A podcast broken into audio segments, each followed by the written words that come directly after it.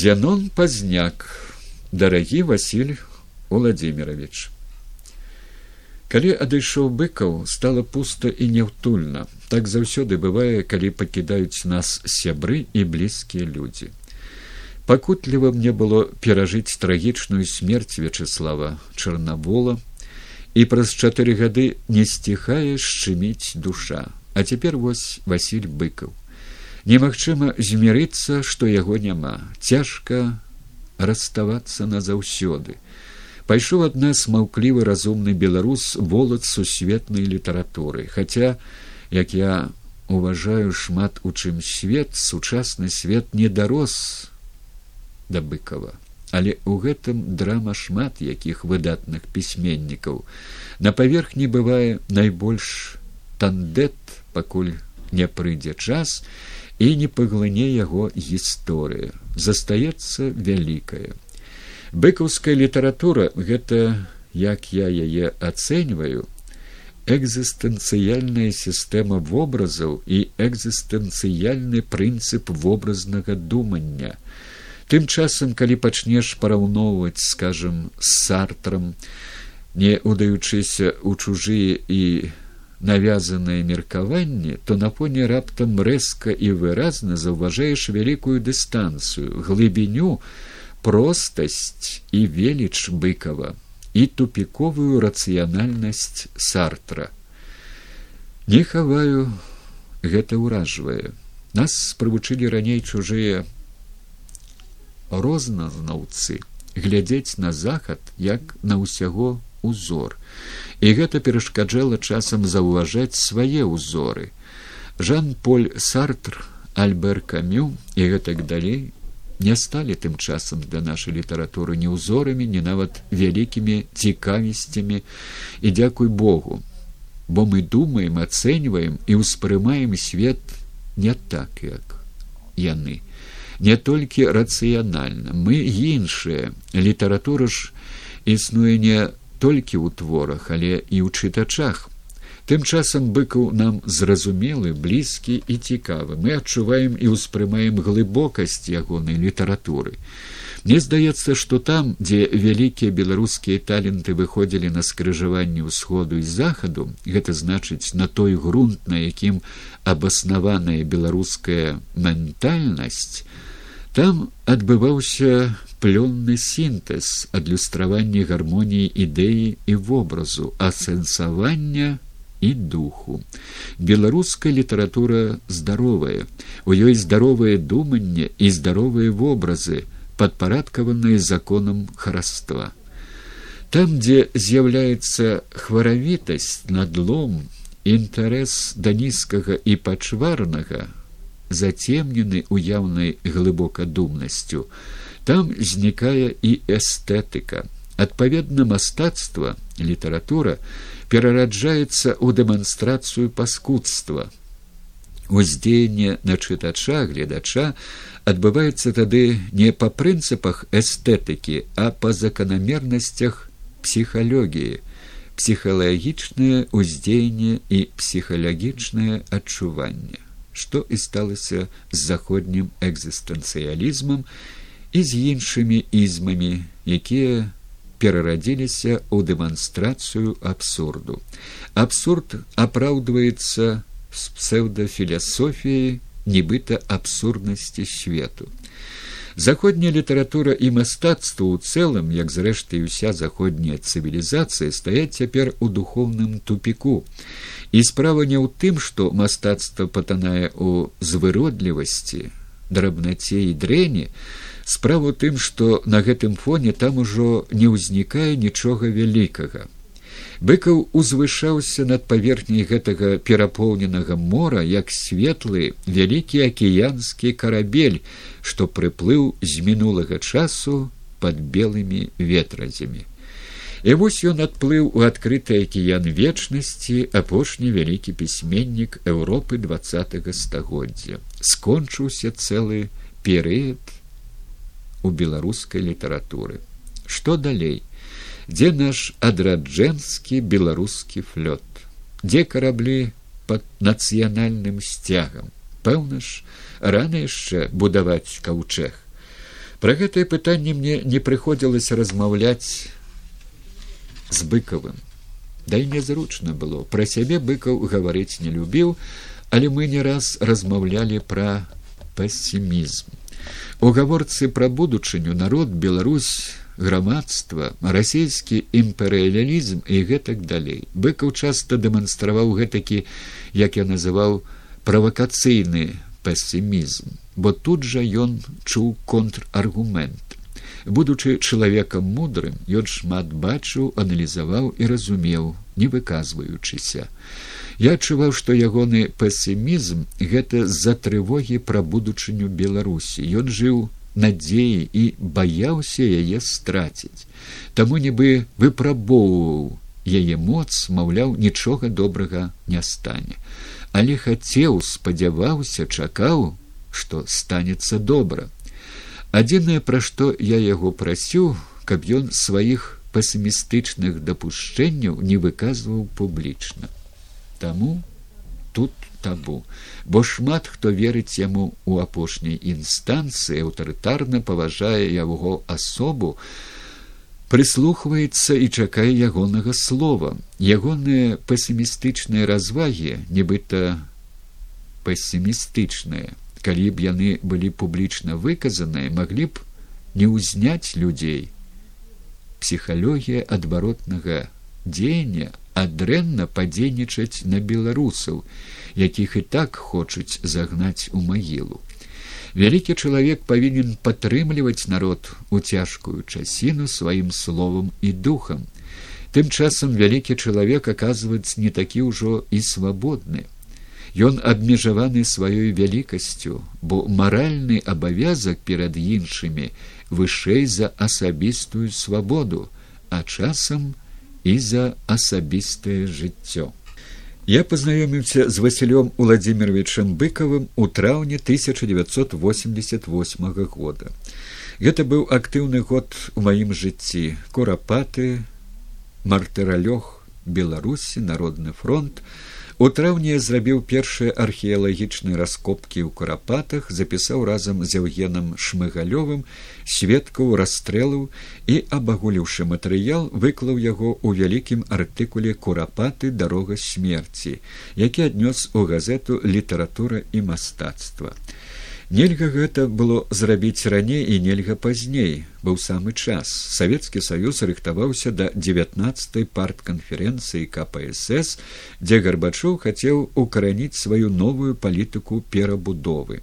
Чакалі новага нечага меркавалі што ў москве шахнуць па старых метадах па рэцыдывах бюракратызму.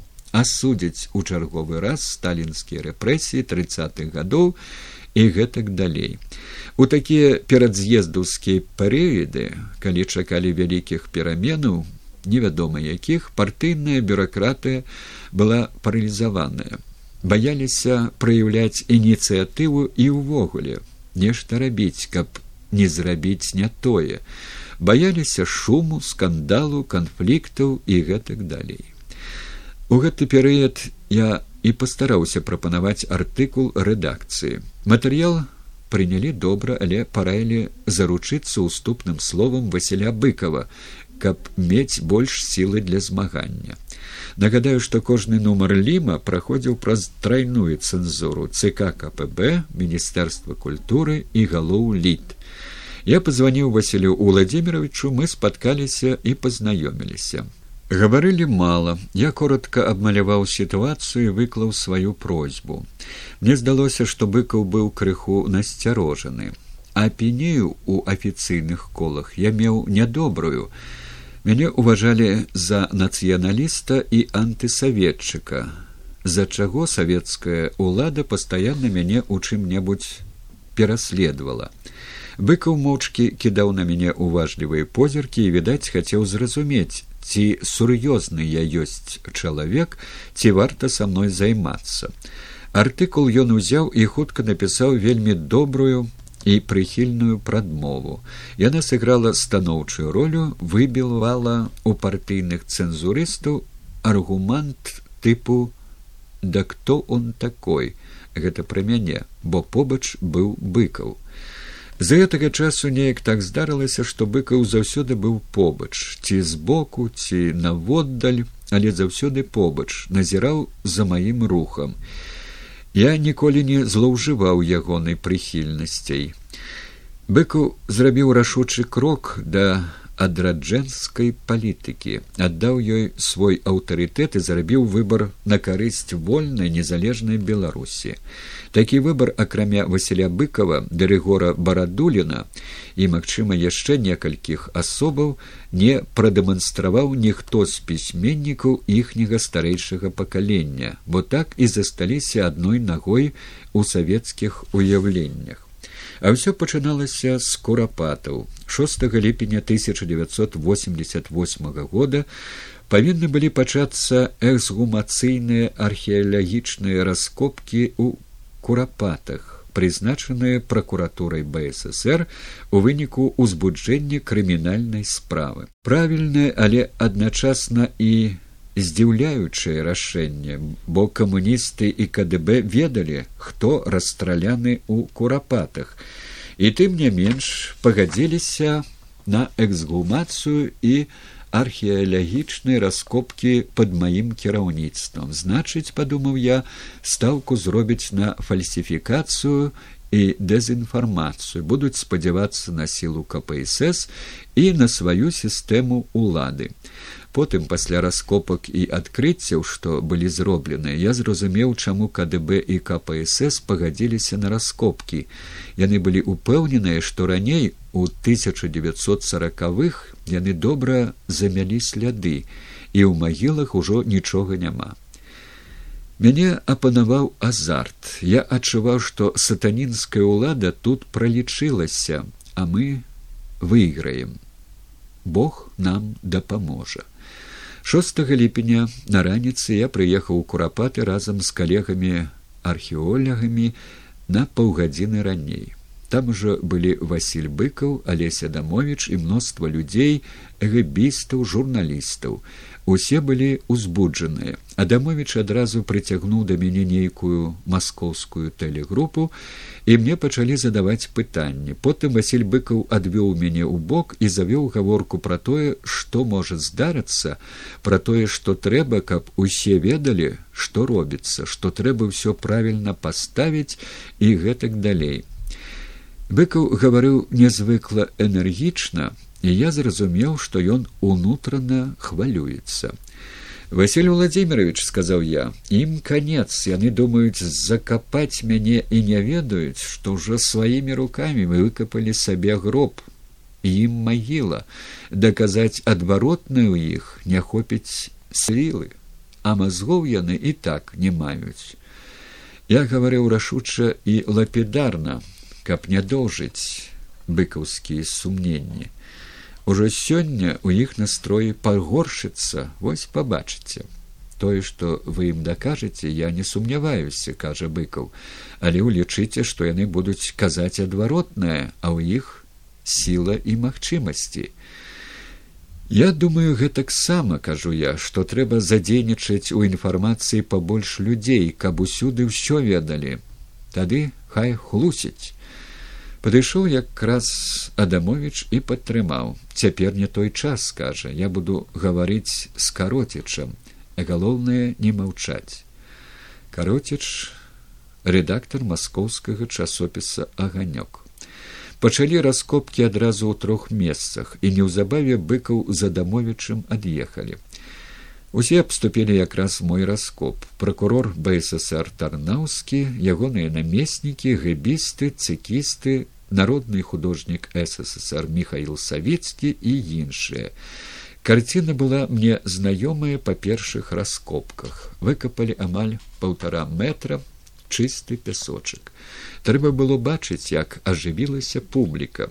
Тарнаўскі стаяў тылам да раскопа руку у бруку і голасна размаўляў з народным художнікам весело смяяўся выраз твару яго быў гуллівы у вачах іскры радасці. Го го го го чуўся калектыўны гоман вакол магілы. Капаем глыбей і неўзабаве паказаўся ніжні пласт трупаў прастрэленыя чарапы.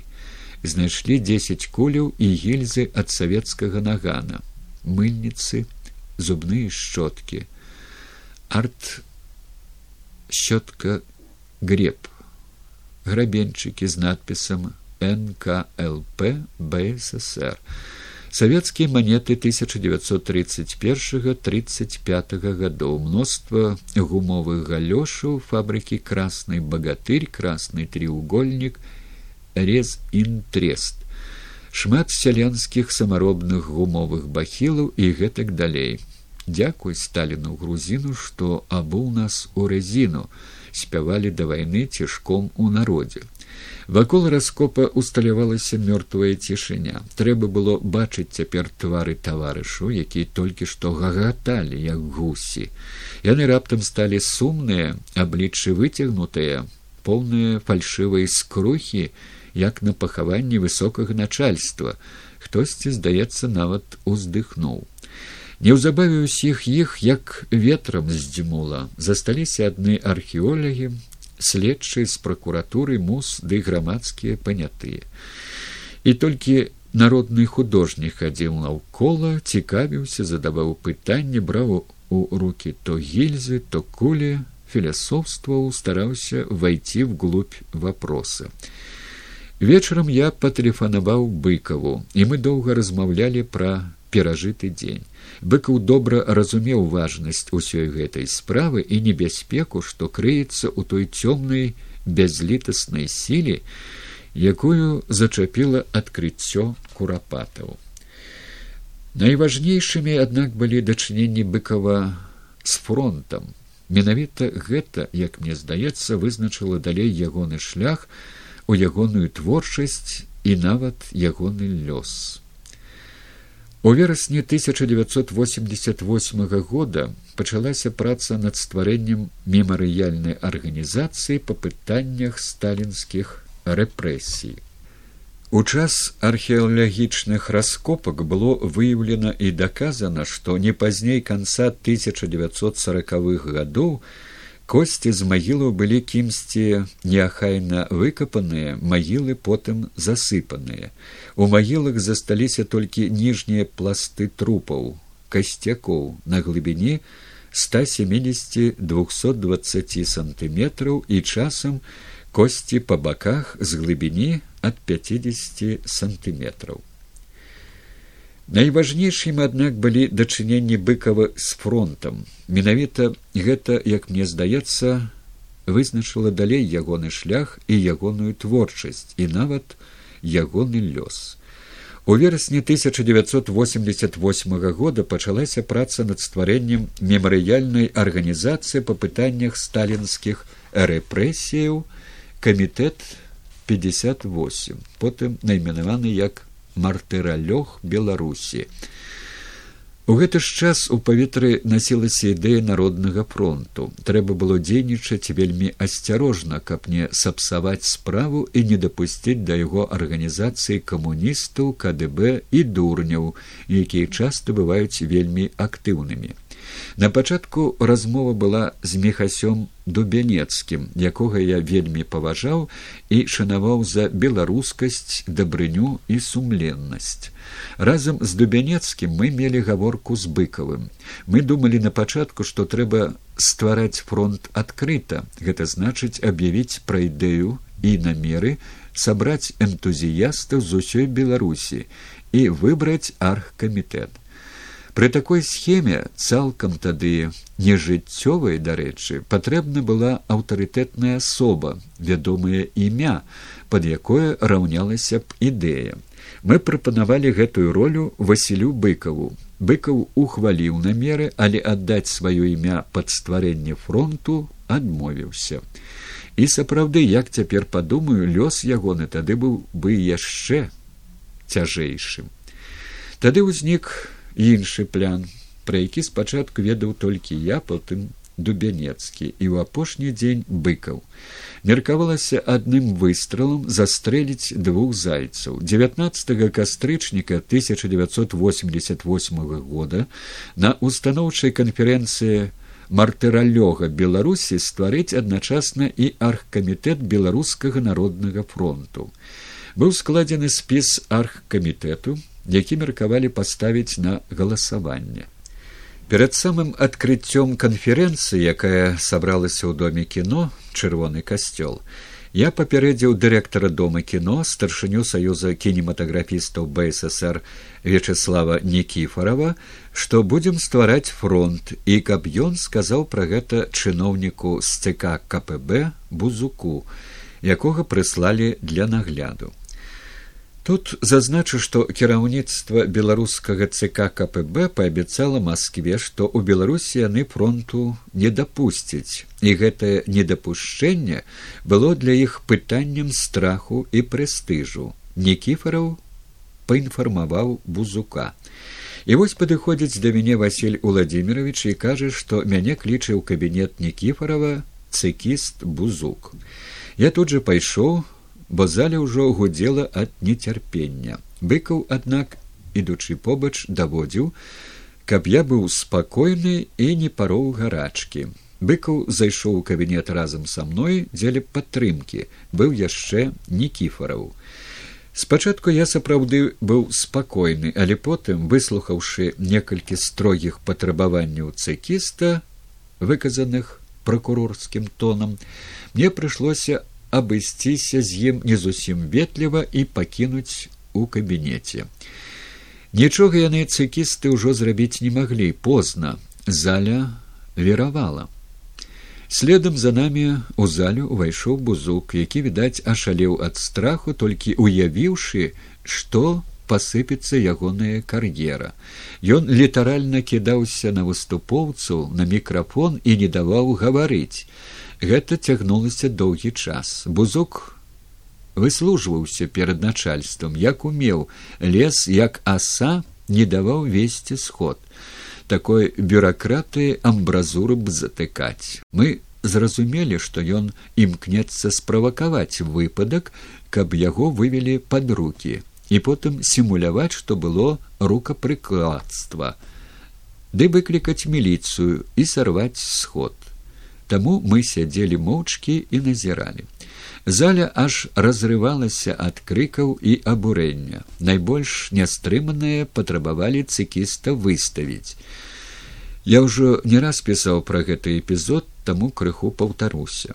Сітуацыя набывала скандальная цень. Сход вёў далікатны і інтэлігентны дубянецкі. Мне улічваючы ўсю маю наперад запланаваную ролю рэзка выступаць у гэтым выпадку было нельга. Быкаў сядзеў змрочны як хмара.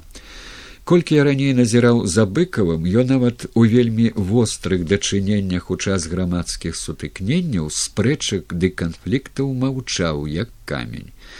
Пазыцыю меў але ніколі не кідаўся ў пятучынную бойку. І тут раптам не вытрымаў быкаў. Ён устаў у гневе хутка і рашуча выгляд ягоны быў пагрозлівы у мяне мільганула нават бязглуздая думка што ён зараз пагоніць бузука але быкаў рэзка крутнуў да сябе мікрафон з-пад роту цыкіста і сказаў тое, што трэба ў поўнай цішыні, якая запанавала пры ягоным выступе.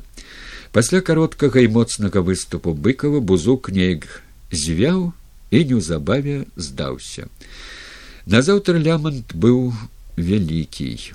Камуністычныя газеты напісалі цытую па памяці, як халёныя малодчыкі ад нефармалаў схапілі таварища бузука і заламіў руки потащили а бедный бузук ничего не понимая от неожиданности только паўтараў как же это ребята а василь быкаў жыў у менску на вуліцы танкавай у новым чырвоным доме У гэтым доме мне прыходзілася бываць даволі часта, бо акурат у тым пад'ездзе, дзе быкаў знаходзілася мастацкая майстарня Яўгена куліка, асноўнага аўтара выявы беларускага дзяржаўнага гербу пагоня Рэспублікі Беларусь.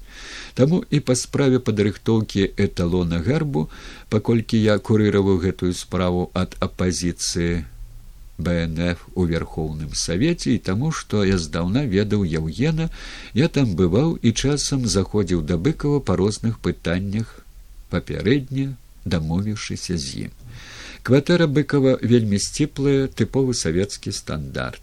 Але і быкаў быў чалавекам сціплым не патрабаваў ніякай раскошы акрамя чысціні парадку спакою і самага неабходнага. Гэта ў яго і было невялікі двадцать четырнадцать квадратных метраў з адным вакном і выхадам на балькон служыў яму кабінетам тут былі самыя неабходныя кнігі стол за шклом палічак фатаграфіі сяброў пісьменнікаў ды паэтаў тут ён пісаў некалькі разоў мы ягоныя сябры па бнф бывалі у быкова на дзень народзінаў запомніўся сонечны летні девятнадцаты дзень чэрвеня калі мы згасцявалі ў быкова цэлай кампаніі у якой былі рыгор барадулін і светлай памяці фронтаўскі фотарэпарацёр владимир кармілкін Там, дзе рыгор там жарты, смех, анекдоты, вершаваныя экспромты і добрая вясёлая размова. Мне заўсёды было вельмі радасна назіраць, калі збіраліся у нязмучаных абставінах Васіль быкаў і рыгор барадулін. Такое ўражанне, што у хаце рабілася цёпла і светла. Гэтак ім абодвум прыемна было адзін з адным гаварыць, разам быць, а з імі усім астатнім. Такімі былі не толькі мае ўражанні. Памятаю зімой 1994 года Васіль быкаў, рыгор барадулін і яшчэ пару асобаў з народнага фронту паехалі ў гомель на спатканні з грамадскасцю. ехалі мікрааўтобусам. Агульная размова, потым песні, маўчанка і зноў размовы між сабой. Быкаў з барадуліным сядзелі разам і гаварылі раз пораз смеючыся ківалі галовамі і пагаджаліся адзін з адным. Я не бачу увогуле, каб яны калі-небудзь аб нечым спрачаліся. Ім проста радасна было гаварыць, падтрымліваць адзін аднаго, ну пэўня, ну так цягнуў быкаў, ну канешне. Так, так, ага, ага, але але пагаджаўся брадулін, хуценька як дзяцел стукаў. А ў гэты час наш моцны фронтавец юзік такушевич які вёл той мікрааўтобус і кажа мне ціхенька от люблю зірніце добра паглядзець як нашыя разумныя дзяды гавораць быкаў калі быў у вялікай добрасці казаў рыгорка даражэнькі братка а барадулін як больш рухавы і імпульсіўны. Васілёк браце дарагі люблю цябе люблю васілёк ты наш і абымаў за плечы і радваўся як хлапчук Тут дарэчы сказаць, што рэгор барадолін вельмі прыязны і сардэчны чалавек для саброўства, але найбольшую сардэчнасць і любоў ён мае да сваёй маці і да яе памяці. Гэтаму я быў сведкам, калі маці барадуліна яшчэ жыла. У яго да яе выяўлялася тады такая сыноўская пяшчота і ласка, такое абагаўленне і павага, якую мне рэдка ўдавалася ў іншых бачыць, хаця ў традыцыі сведамасці беларусаў існуе культ маці. Беларусы адносяцца да маці з вялікай пашанай. Вобраз рыгоравай маці і любоў да яе адлюстраваны ў ягонай творчасці. Яна для яго і мама і матка боска. Гэта асаблівая аўра ў асобе рыгора барадуліна. У дзень пахавання быкова, калі я прачытаў у сеціве словы барадуліна аб вялікім ягоным жалі і ўзрушэнні і душэўнай балеснасці ўсёй ягонай істоты ад смерці быкова і што гэтую балючасць ён можа параўнаць хіба што з жалем ад смерці маці мне тады зашчымела сэрца бо я ведаў пра што размова. І тады ў мяне склалася траціна тры радкі якія запісаў на паперы. І васильковы жаль ты мераеш матулей твой найвышэйшы ідэал над беларусей вечна свеціць. У гомлі асабліва ва універсітэце на быкава і барадуліна прыйшлі тлумы людзей моладзі. Не праціснуцца не дыхнуць. Слухали заварожана назад з гомлі мы вярталіся ноччу. Стаяў светлы зімовы змрок калі месяц за шэрымі хмарамі і светлаватае неба адбіваецца на бялюткім свежым снезе. І цішыня як бывае толькі на беларусі.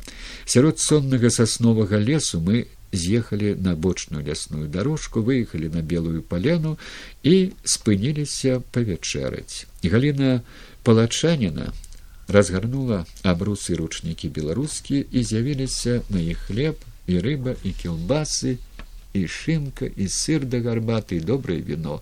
Мы павячэралі размаўляючы і галю хвалячы. Неўзабаве ад'ехалі. Гудзела печка ў салёне і гаварылі ўсе. А тая паленка і сёння стаіць мне уваччу У 1996 годзе вясной, калі я ўжо быў ад'ехаўшы за мяжу, быкаў склаў галіне палачаніна і значыцца маёй жонцы дэдыкацыю на шостым томе сваіх твораў наступнага зместу. Мелай галіне фёдараўне высакароднай пакутніцы за беларушчыну са спадзяваннем на лепшую шчаслівую долю ад аўтара бнфовца Васіля быкова 24 красавіка 1996 года. У гэтым надпісе ўвесь чалавек быкаў сціплы моцны упэўнены і зразумелы. Увогуле крыху прадоўжу гэтую размову бо тут ёсць адзнакі лёсу а лёс трэба шанаваць У 1982 годзе маладая супрацоўніца менскага навукова-даследчага інстытуту педагогікі галіна палачаніна скончыла аспірантуру і атрымала заданне зрабіць дыдактычны і наглядны матэрыял дыяфільм слайды фото аб жыцці творчасці васіля быкова. Спачуваем табе казалі калегі цяжка будзе што-небудзь зрабіць у інстытуце ведалі што быкаў не любіць гаварыць шмат пра сябе пра сваю асобу пазбегае залішняй цікаўнасці. Гэта мелі на ўвазе супрацоўнікі ндI калі гаварылі пра цяжкасці. Справа была аднак у іншым. Быкаў тонка разбіраўся ў людзях і не раскрываўся перад асобамі абыякавымі і чужымі пад духу пагаварыўшы коротко з галінай василий владимирович пагадзіўся яе прыняць і неўзабаве моцна хвалюючыся яна сядзела ў творчым пакоі быкова на танкавай і праглядала фатаграфіі да яе здзіўлення вялікі пісьменнік аказаўся надзвычай простым і сардэчным чалавекам Ён выклаў ёй усе фатаграфіі, сямейныя альбомы, здымкі, якія не кожнаму і паказваць можна. шмат што расказаў, а потым, калі Гліна адабрала патрэбнае цэлы сто скажа: так, ну што, ведаеце, бярыце гэта ўсё з сабой, а потым вернеце. Галіна была ўражаная гэтакім даверам і павагай да яе. Гэта ж арыгіналы, рэдкія фота, адзінкавыя экземпляры. Яна ішла па вуліцы і прыціскала здымкі быкава да грудзей. І калі б хто тут напаў і сказаў аддай а то смерць, то і памерла б, але не аддала б. Нашы думкі пра чалавечую сутнасць быкава сходзяцца. Галоўныя рысы Васіля Владимировича сціпласць і высакародствасць. Гэта асабліва разумеў той, хто умеў чытаць, бачыць тонкія колеры. Галіна цяпер з сорамам успамінае свае, як яна лічыць глупствы, якія яна па маладосці казала перад Васілём Владимировича. Візіт па фатаграфіі быў у лістападзе, ішоў дождж, была салата мокрая чорнай дрэвы за вакном, но якая ж гэта унылая пара чае чараванне, як пісаў Пушкін, характарызуе надвор'е былая студэнтка пяцёрачніца. Адна шэрасць ды імжа. Быкаў паглядзеў у вакно і кажа гэтак спакойна і сур'ёзна думаючы. Я мяркую, што тады, калі ён пісаў, выглядала інакш і не ценю іроніі, не ценю схаванай паблажлівасці старэйшага, разумнейшага і гэтак далей. Я грэшны паставіў сябе на месца быкова і шчыра прызнаюся, што я відаць хоць бы і ўстрымаўся ад іроніі, але ўсё ж бы мог усміхнуцца і гэтага было б дастаткова каб выглядаць банальна і ў хрысціянскім сэнсе нядобра быкаў будучы потым у народным фронце сябрам сойму вельмі паважаў галіну і надзвычай цёпла і сардэчна ставіўся да яе. Калі мы з галінай пажаніліся ён падышоў да мяне на сойме. Бнф твар ягоны свяціўся радасцю ён шырока усміхаўся вочы напоўненыя гэтакай дабрынёй. Як я рады віншую як я рады зяноне станіславовичу як гэта добра дай божа шчасця і радасці вам абодвум. Неўзабаве у кінотэатры змена была прэм'ера фільма панамарова па быкаўскім творы на чорных лядах василю быкаву паднеслі велізарны букет раскошных чырвоных ружаў. Быкаў падыходзіць да галіны і усміхаючыся ласкава на ўвесь твар кажа як ён шчасліва павіншаваць яе са шлюбам і перадаць гэты букет. У 1994 годзе мы збіраліся святкаваць сямідесятгадовы юбілей быкова былі розныя прапановы тым ліку і афіцыйныя. Але быкаў які пазбягаў юбілею сказаў што ён пагодзіцца адзначыць урачыстасць толькі ў сядзібе бнф Я разумеў, чаму усё адпаведна. Ён цаніў сяброўства, шчырасць і цяпло. А фіцыёзу быка ўжо нагледзеўся, хвалебных слоў зверху, пасля якіх чакай паскудства наслухаўся. У фронце ён адчуваў сябе як у вялікай дружнай сям'і, як у агульнай сябрыне. Тут яго глыбока паважалі і шчыра любілі, шанавалі, як дзеці дарагога бацьку увогуле мы вельмі аберагалі быкова і сцераглі яго ад цяжкасцяў палітыкі ад правакатараў ад зняваг ад безглуздых людзей. Мы ніколі не забываліся што ён вялікі пісьменнік. Мы бераглі ягоны аўтарытэт. Нам дастаткова было што ён побач ягонае семідесятгоддзе адбылося ў фронце як радаснае свята з выступамі ганараваннем і падарункамі з гумарам і жартамі танцамі і спевамі з добрым пачастункам і ўспамінамі. Гэта як звычайна тады ў сядзібе бнф было свята дружных сяброў дзе ніколі не было п'яных незадаволеных ці невясёлых. І василь Уладзімирович быў тады з усімі намі радасны, нязмушаны і урачысты. Гледзячы тады на ўсіх і на гэта ўсё я думаў, вось яна сфера ўсё пранікаючага добра, вось яна нашая свае адносіны і нашыя беларускія дачыненні вось яна новая будучая Беларусь выходзіць з нізінаў з небыцця на шырокі беларускі шлях. А было гэта девятнадцатого чэрвеня тысяча девятьсот девяносто четвертого года ужо на парозе прышлай антыбеларускай улады.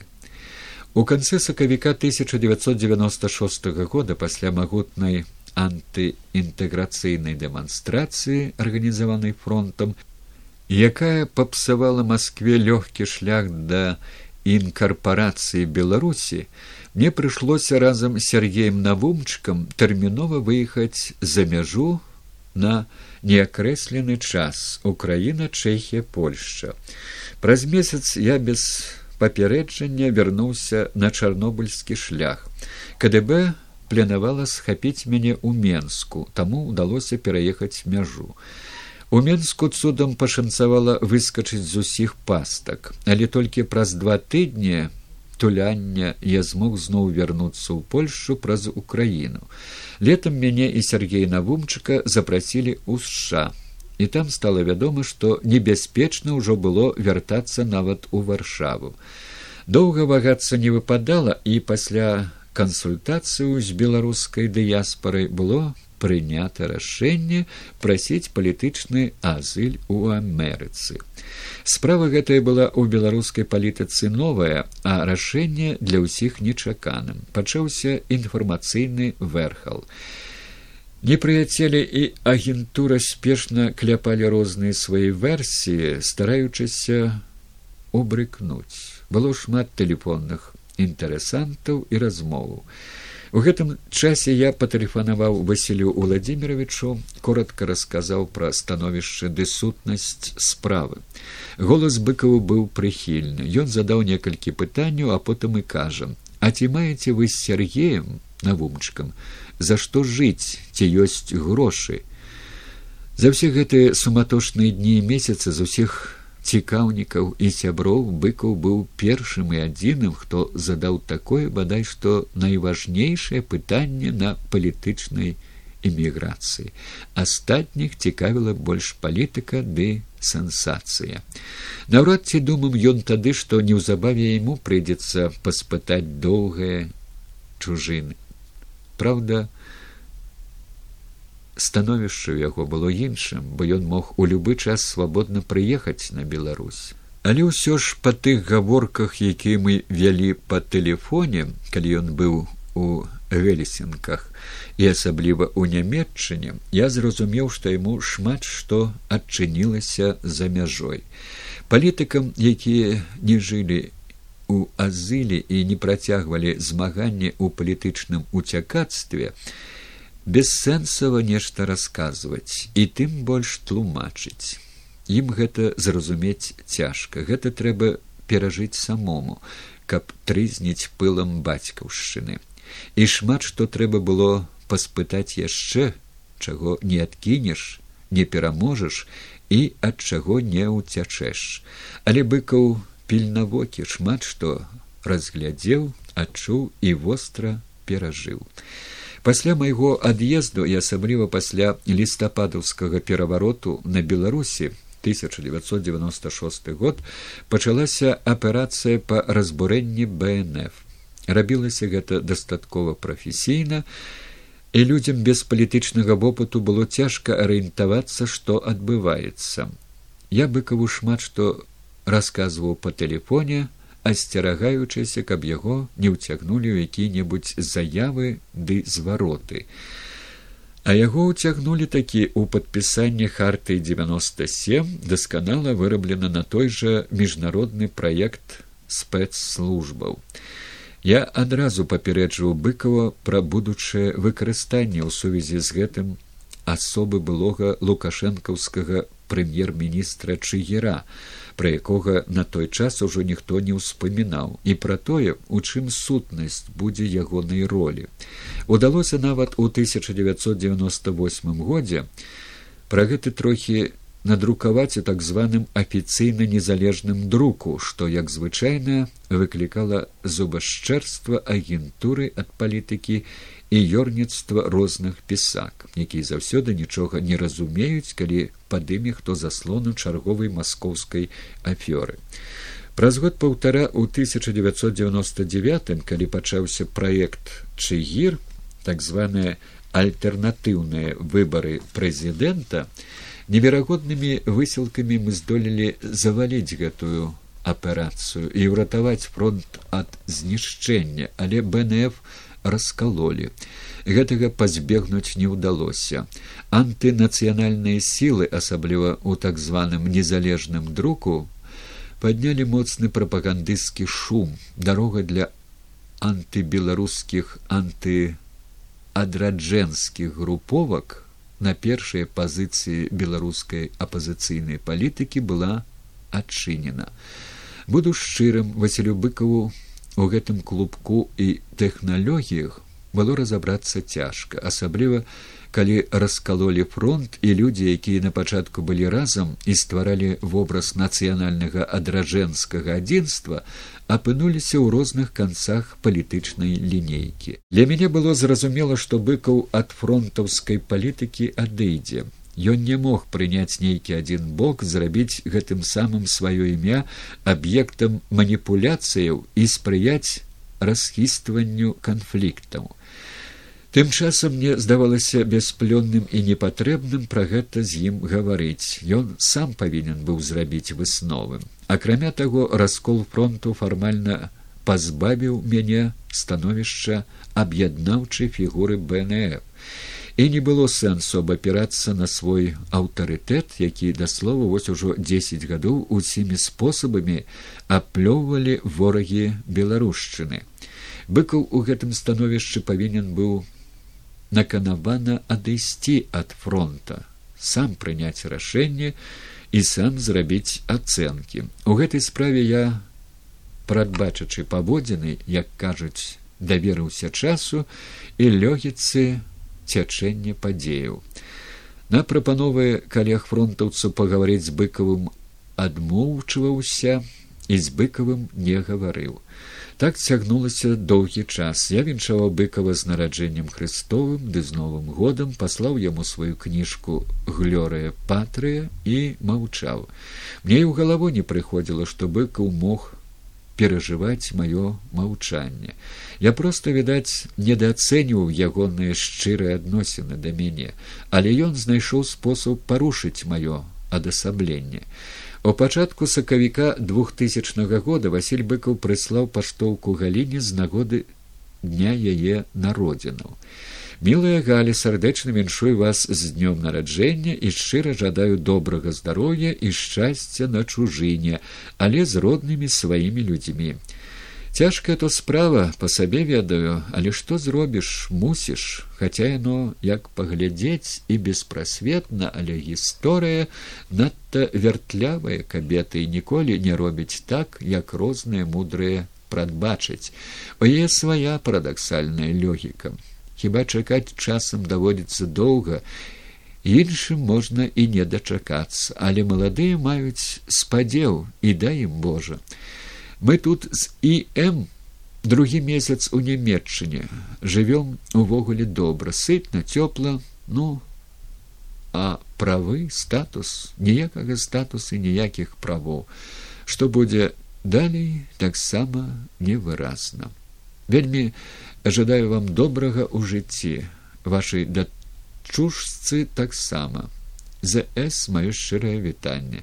Нягледзячы на ўсё што адбылося маё стаўленне да яго як і дзесяць год таму. Я яго вельмі паважаю і люблю. Абдымаю вас даражэнькі василь б.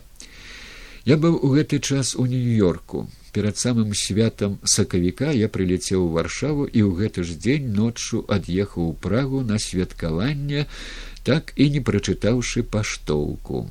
У прагу акурат прыязджалі івонка сурвіла і василь быкаў там мы ўсе і спаткаліся дзень незалежнасці адзначылі вельмі хораша і урачыста быкаў выступаў з дакладам потым меў спатканне з чэшскім кіраўніцтвам. Мы перагаворваліся пра тое ды гэтае групай прыходзілі да яго у гатэль крыху шпацыравалі размаўляючы па старой празе.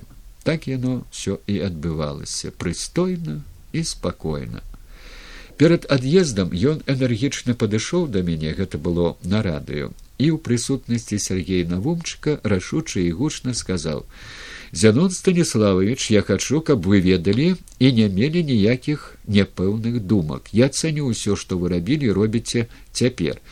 Я вас падтрымліваў і буду падтрымліваць. Я бачу што адбываецца. Ніколі нічога супраць вас не будзе мною сказана. Я хачу каб гэта вы ведалі Я, здаецца, нічога яму не адказаў. Я чакаў, што ён павінен быў высветліць сваю пазіцыю, і калі гэта здарылася, крыху разгубіўся. У гэты момант я адчуваў у ім салдата сілу прыкрыцця. Вось нешта робіцца, а ў поперак гучыць суцэльны крык, напад, псіхічная атака. Азірнешся і за плячыма наводдалі маўклівая постаць быкава. Ён ёсць Ён узіраўся, ён заўсёды недзе быў, нібы анёл ахоўнік у гэтым свеце, каб падаць руку. Быкаў адмовіўся ад усіх прапаноў з розных бакоў удзельнічаць у руху і кіраўніцтве бнр. Ён відаць моцна перажываў, што вымушаны так зрабіць, бо калі я шчакаўшы спорны кавалак часу патэлефанаваў яму і сказаў што он вельмі правільна і разумна зрабіў што так і трэба на яго месцы што я яго падтрымліваю і вельмі рады што ён разумее становішча. Ён усклікнуў гэтак непасрэдна і радасна. Праўда? Дык вы падтрымліваеце? Ну то дзякуй тады! Спеўна пачаў зацягваць словы узрушаны быкаў. Ну то добра яно у канцы года василь владимирович прыслаў нам цёплае віншаванне на святы дзе напісаў дарагая галя і зянон прыміце мае шчырыя віншаванні з нагоды свята калядаў а таксама новагоддзя новастагоддзя новага тысячагоддзя ад народзінаў Ісуса Хрыста. Будзем спадзявацца, што збег гэткіх магутных сілаў паслужыць нарэшце справам Беларусі нашай любай і адзінай. Усцешаны кнігай зянона і той добрасці, якую сказалі пра яе і яго свабода, уладдзя і рэгор. Шчасце вам на чужыне і ў свеце. Жыве беларусь. Абдымаю василь быкаў. Неўзабаве василь владимирович пераехаў у франкфурт на майне і паведаміў нам пра гэта ў лісце ад другога сакавіка две тысячи першага года. Ліст гэтакі характэрна быкаўскі цытую са скарачэннямі шаноўны спадар зянон шаноўная спадарыня галя найперш віншую вас абодвух з наступам вясны з тым што бог даў перажыць зіму. У нас тут у нямметчыне дык ужо зелянеюць на кустах пупышкі, можа, дажывем і да лецечка. Я перабраўся яшчэ далей на захад і цяпер жыву ў франкфурце на майне. Працую, пішу і ведама ж, трываю боль за нашу радзіму, якая, але самі ведаеце, якая. Учора прачытаў гнюсны артыкул а фядуты пра беларускую апозицию и з пазняка московские новости нумар девять и подумаў а ці трэба зноў зянону лезці у тое выбарчае балото яны ж цяпер просто заб'юць. Гэта ж не украіна дзе увесь свет падняўся супраць кучмы калі што пішыце званіце шчасце вам здароўя і поспеху абдымаю василь быкаў Так яно ўсё і трывала апошнім часам. Я рэгулярна пасылаў быкаву беларускія ведамасці, потым сваю кніжку новае стагоддзе. Яму спадабаўся там тэлевізар, пра што ён мне яшчэ раней казаў, прачытаўшы ў народнай волі, потым мы слухали парадую ягоныя выдатныя ўспаміны. У нашых сяброў успаміны быкова выклікалі часам перажыванні і шкадаванні, калі гаворка ішла пра фронт, маўляў, і гэта забыўся і тут наблытана і тое было не тады і гэтак далі я цярпеліва тлумачыў што ўспаміны адной асобы не могуць цалкам супадаць з успамінамі іншых асобаў асабліва ў дэталях бо кожны піша пра тое што ён ведае і бачыў евангелісты вунь пісалі пра адно і тое ж а колькі супярэчнасцяў але гэтыя супярэчнасці якраз і пацвярджаюць праўду галоўны сэнс і змест напісанага. Тым не менш, праслухаўшы ўспаміны, я напісаў быкаву ліст, у якім разважаў пра значэнне і выкарыстанне тэрміналогіі. Калі глянуць у корань, то я проста не хацеў, каб пішучая агентура ператузвала і выкарыстоўвала супраць мяне напісанае быкавым, што яна ўвесь час імкнулася рабіць. Сутыкнуць мяне з васілём быкавым была брыльянтавая мара эгб фактычна пра гэта я быкаву і напісаў каб ён меў на ўвазе мары гэтых літаратуразнаўцаў але пра гэта можна было і не пісаць. Быкаву даўно было ўсё вядома. Ён проста адпісаў мне ў адказ пра сваю нязменную прыхільнасць і прасіў не крыўдаваць калі што не так. І сапраўды з ім спрабавалі рабіць тое ж самае. Нейкія пісец прадумана назваў вялікага быкова нават літаратурным паліцаем. Людзі што эмацыйна ўспрымаюць былі ўражаныя гэтым дзікунскім хамствам. Але трэба ведаць што москва і яе нквд які цяпер пры ўладзе заўсёды карысталіся бруднымі нялюдскімі метадамі. Яны прынеслі новую з'яву палітычную рэчаіснасць двадцатого стагоддзя. Вычварную хлусню накіраваную на псіхіялагічны стрэс асобы. Я б назваў яе сатанінскай хлуснёй галоўная сутнасць д'ябальскага духу хлусня. Ага мяркуюць значыць ветэран вайны прайшоў усю вайну з усходу на захад ад москвы да берліна. Выдатна назовём яго паліцаем. І паціраюць ручки Габоўска-бюракратычнае асяроддзе акупацыйнай улады стварыла хамскія, зняважлівыя, ненавісныя ўмовы існавання ў Менску для вялікага пісьменніка. Менавіта таму быкаў паехаў за мяжу, дзе псіхалагічна вельмі цяжка існаваць для беларуса такога духоўнага ўзроўню як быкаў, але там, прынамсі, хоць няма штодзённай грубасці, і хамства. Чытаючы апошні ліст быкова, я не мог пазбавіцца ад шчымлівага ўражання. Месцамі ён так напісаў, быццам ад'язджае далёка, а мы застаёмся. Даражэнькі зянон станіславович даўно ўжо атрымаў ваш ліст, трэба было б на яго адказаць, ды на мяне абрынулася шмат праблемаў, якія не далі таго зрабіць. Найперш кватэра. Тры месяцы пражыў у чужой мала дастасаванай да жылля. Нагул мае апекуны нешта не надта спяшаліся адшукаць што новае і ў мяне ўжо пачалі здаваць нервы. Пасля атрымаў нешта болей здатнае а галоўнае сваё і цяпер жыву з жонкай у адным пакойчыку былой дворніцкай. Набыў всякую такую мэблю але яшчэ не маю ні лядоўні ні тэлефону ні інтэрнэту якога-небудзь фінансавання таксама не маю апроч хіба таго што фундацыя плоціць восемь тысяч кронаў за тую каморку. Астатняе трэба зарабляць недзе. А тут яшчэ абрабавалі жонку як сабралася ехаць у менск выразалі сумкі ў трамваю ўсю суму што збіралі для ўнукаў. Вярнулася ні з чым у слязах але самае горшы было яшчэ наперадзе. Забалела унутры лукашук адвёз мяне ў клінічны цэнтр. Пачаліся тыдні абследаванняў у выніку якіх перспектывы аперацыі і хіміятэрапіі бо ёсць падазрэнне на анкалагічны працэс. А мне перад тым трэба з'ездзіць у менск палагодзіць пэўныя справы з сынамі. Ды пакуль не магу бо на наступным тыдні кансіліум які штось вырашыць. Дарагі зяноне прашу вельмі не крыўдаваць на мяне калі вам што не спадабалася ў маіх успамінах. Паверце што я заўжды адносіўся да вас з вялікім піетэтам. Ад самага пачатку і тых сваіх адносінаў ужо не змяню до конца мне здаецца што я разумею значэнне ролі зэпазніка ў гісторыі беларусі і мне заўжды крыўдна калі таго не разумеюць іншыя не кажучы ўжо пра народ.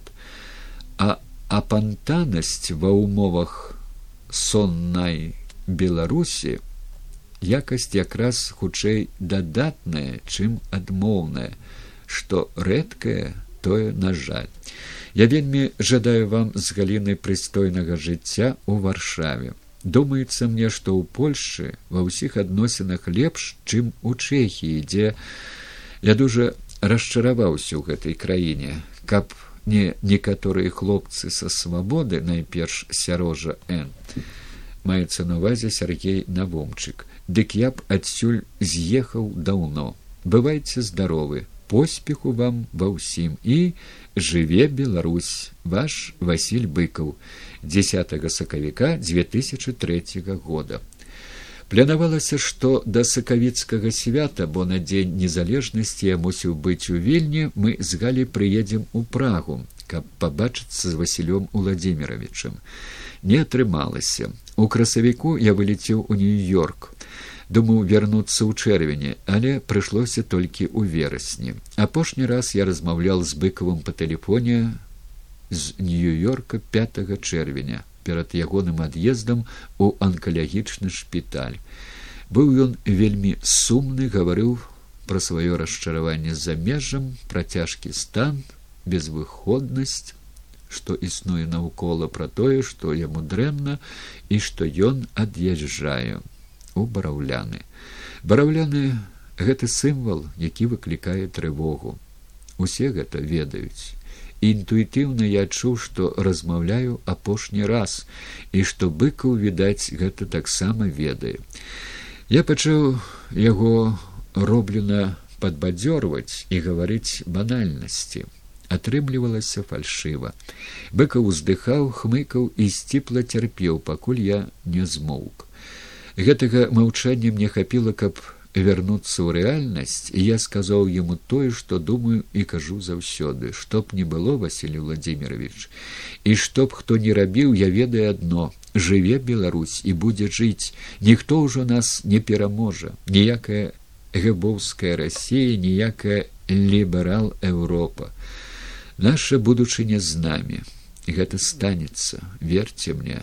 Яна ўжо ідзе толькі ніхто не бачыць голас быкова пацяплеў і я зразумеў што ён заўсміхаўся і нават узрадваўся ён заўсёды усміхаўся радваўся калі я яму такое казаў лагодна адмаўляючы мой аптымізм ну дай жа божа як кажуць дай жа божа паўтараў з таго боку прыхільны голас. Ён і цяпер гучыць мне у вушах Пра смерць быкова я даведаўся днём 22 чэрвеня дзесьці каля 16 гадзіны 23 у менску.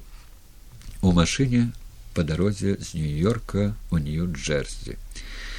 Уключылі радыё гаварылі пра творчасць быкова называючы яго ў мінулым часе. Мне аж кальнула я зразумеў што быкова з намі ўжо няма мы ехалі моўчкі дома ў тэлефоне было запісана паведамленне сергея навумчыка з чэхі аб тым што памёр быкаў я тут жа патэлефанаваў яму ў прагу потым у менск сябрам у народны фронт.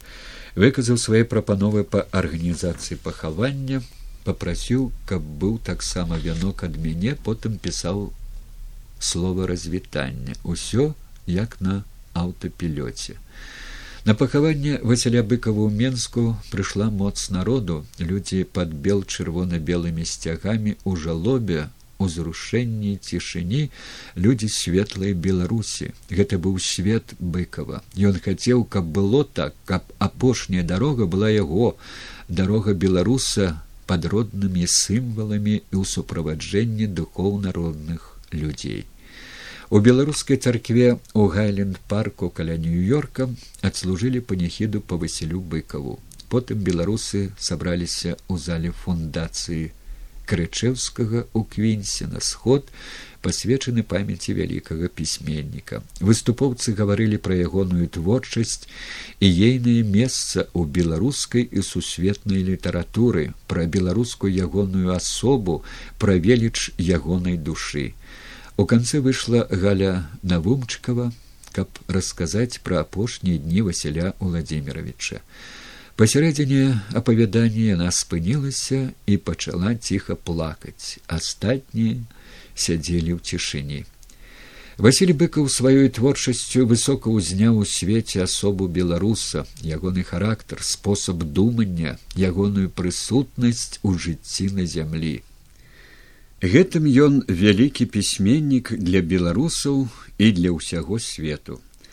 Але быкаў значны яшчэ іншым. Ён знакавая, я б сказаў, сакральная фігура для ўсёй беларусі.